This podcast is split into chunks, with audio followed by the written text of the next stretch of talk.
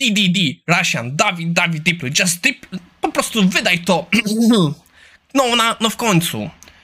No, jest coś prawdy.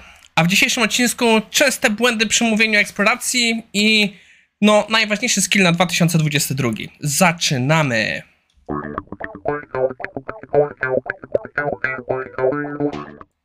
Po pierwsze, dziękuję wszystkim, co mi dali znać, że były problemy z dźwiękiem w poprzednim odcinku, w poprzednim tygodniu. Tak, były. Nie jestem pewien, co było przyczyną. Jedną rzeczy było to, że nagrywałem wszystkie naraz i u sąsiada chodziła pralka. Druga rzecz, także coś mi się zmieniło w ustawieniach mikrofonu i łapał jakieś sprzężenia elektryczne. Wydaje mi się, że to naprawiłem. Dajcie znać. Żeby utrudnić sprawę, Logitech wprowadził nowe opcje w konfiguracji mikrofonu. Między innymi używamy w tej chwili AI i karty graficznej do oczyszczania dźwięku. Dajcie znać, jak to działa, bo jestem naprawdę ciekaw. I mój preset dźwiękowy się zresetował. Niestety on już nie istnieje, nie mogę go tworzyć, musiałem stworzyć nowy. Zobaczcie, jak on brzmi, czy Wam się podoba, czy nie. Jak nie będzie się podobało, jutro będziemy zmieniać. Przy okazji chciałem podziękować Scrum Masterowi z Displayta, Adrianowi, który mi bardzo pomógł. Posiedliśmy sobie po pracy i przeszliśmy przez cały proces, jak nagrywam odcinki, szukając miejsca, gdzie można wykonać jakieś optymalizacje, gdzie możemy spróbować zrobić pewne rzeczy. Przez najbliższy czas będę próbował te rzeczy wprowadzić. Jaki będzie wpływ na Was? Nie powinno być żadnego, chyba że coś chrzanie. E, z dłuższej perspektywy czasu nagrywanie powinno mi zajmować o wiele mniej czasu, więc w konsekwencji będę miał więcej opcji, żeby nagrywać IT Specials. Anyway, czas zaczynać. Naszym pierwszym artykułem na dzisiaj jest Common Misconception about Exploratory Testing. Jak widzicie, już na samym początku mam wszystko na czerwono. Jeśli ktoś pamięta moją nomenklaturę, na czerwono robię highlight, jak się z czymś nie zgadzam. Autor nie do końca mówi o testach eksploracyjnych. Z mojej perspektywy autor postawił zbyt duży znak równości między session-based testing promowanym przez Michaela Boltona i Jamesa Bacha i testami eksploracyjnymi. Jest to w pewnym sensie, no okej, okay, można to stawić pewne porównanie, bo i termin testy eksploracyjne został ukute przez nich i session-based testing jest ich dziełem, które próbowało nadać trochę więcej struktury e, testom eksploracyjnych.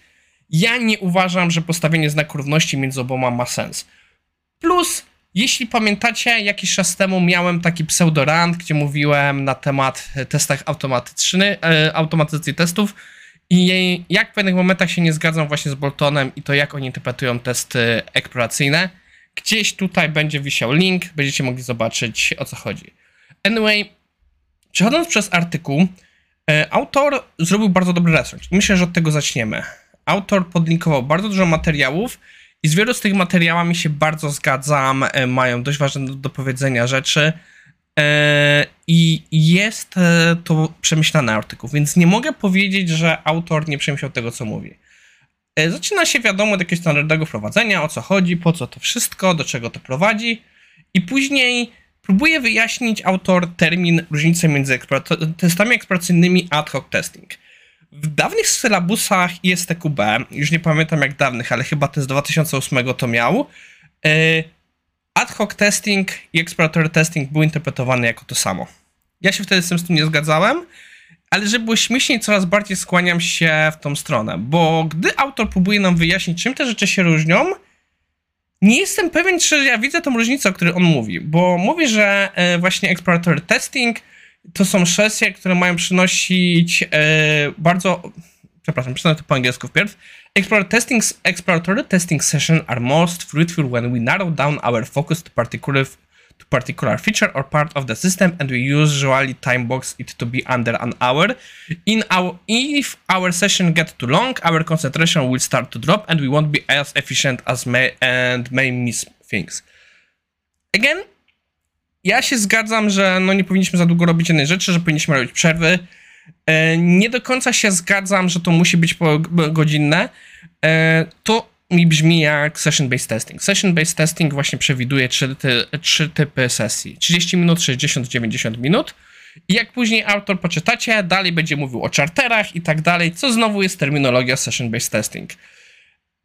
Again, nie uważam, że postawienie tutaj znaku równości jest dobre, ale zobaczcie, dlaczego on to postawił. Bo w momencie, gdy wchodzimy już w kolejną rzecz, to mówi, e, że ad hoc testing dzieje się na końcu e, developmentu i że tak naprawdę jest to coś, co się dzieje, że po prostu testy eksploracyjne można wykonywać na poziomie UI, także na poziomie API i tak dalej, a że ad hoc dzieje się na całej aplikacji. Nie jestem pewien, czy ja się zgodzę. Widziałem testy ad hocowe robione na samym API, bo po prostu hej, trzeba na szybko coś przetestować.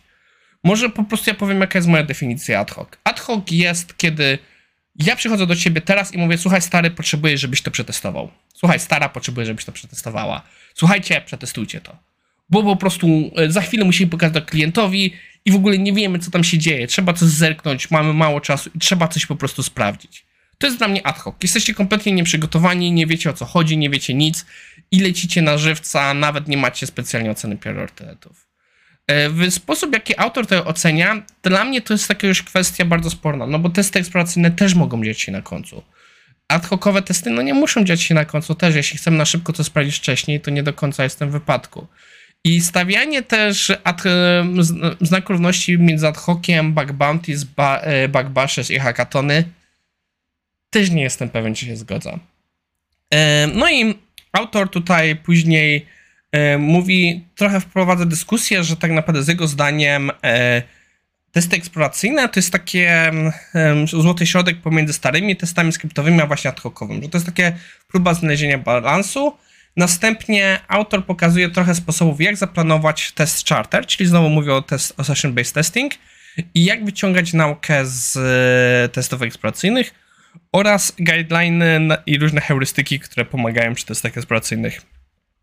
Te części ostatnie są moim zdaniem najbardziej wartościowe tego artykułu, bo naprawdę jest to dobra agregat wiedzy znalezionych w tych różnych materiałach, o których mówił. Ogólnie rzecz biorąc, warty artykuł przeczytania właśnie dla tej części, której teraz pominęłem, żebyście wyciągnęli sobie te wszystkie wzorce i tak dalej.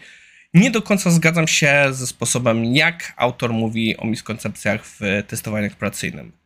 Naszym drugim artykułem, e, przepraszam, muszę sobie przypomnieć, o, Zmieniłem trochę konfigurację i musiałem sprawdzić. Naszym drugim artykułem na dzisiaj jest artykuł e, poświęcony właśnie skillowi, który warto sobie wytworzyć w 2022 roku. Jak widać po zdjęciu, tutaj pani ostro ćwiczy i nie, nie chodzi o to, że musicie wytworzyć sobie skill chodzenia na siłownię. Bardziej chodzi o to, żeby być e, po angielsku consistent. Po naszemu mam... Jezus Maria, mój mózg jest słaby w takim wypadku. Stały to nie jest to słowo. Będzie mnie męczyło. E, Okej, okay, napiszcie w, w, w, komentarzach, jak się tłumaczy ekosystem na polskie. E, to nie jest regularność, ciągłość, e, spójność. Będzie mnie męczyło. W każdym razie chodzi o to, żeby wyrobić sobie tą regularność i spójność w tym, jak działamy. Że zmiany dzieją się krok po kroku. Nie zrobimy nagle wielkiej zmiany, że trzeba wyrobić sobie nawyki, trzeba nad tymi nawykami pracować i że wyrobić sobie ten upór, żeby pracować nad czymś jest ważne. IT Morning jest przykładem takiego uporu. Ja akurat tutaj trochę robię lifehack, bo korzystam z pomocy wirtualnej asystentki i jestem pewien, gdyby ona tam nie było, gdyby po prostu była tutaj ta zależność, że płacę za jej usługi i też mamy pewne terminy, które muszę dla niej dotrzymać, podejrzewam, że IT Morning dawno by się skończyło. Między innymi przykładem wymuszenia tej konsystencji u mnie jest także e, to, że przelewam tą kasę, żeby nie pić coli i wy jesteście moimi sędziami, pilnujecie mnie, żebym tej coli nie, pi nie pił. I to działa. Sześć tygodni minęło i nie tknąłem coli w tym do tego czasu, nawet w sytuacjach, gdy byłem dozwolony, że mogę się coli napić, czyli wyjątki, które wpisaliśmy w kontrakt.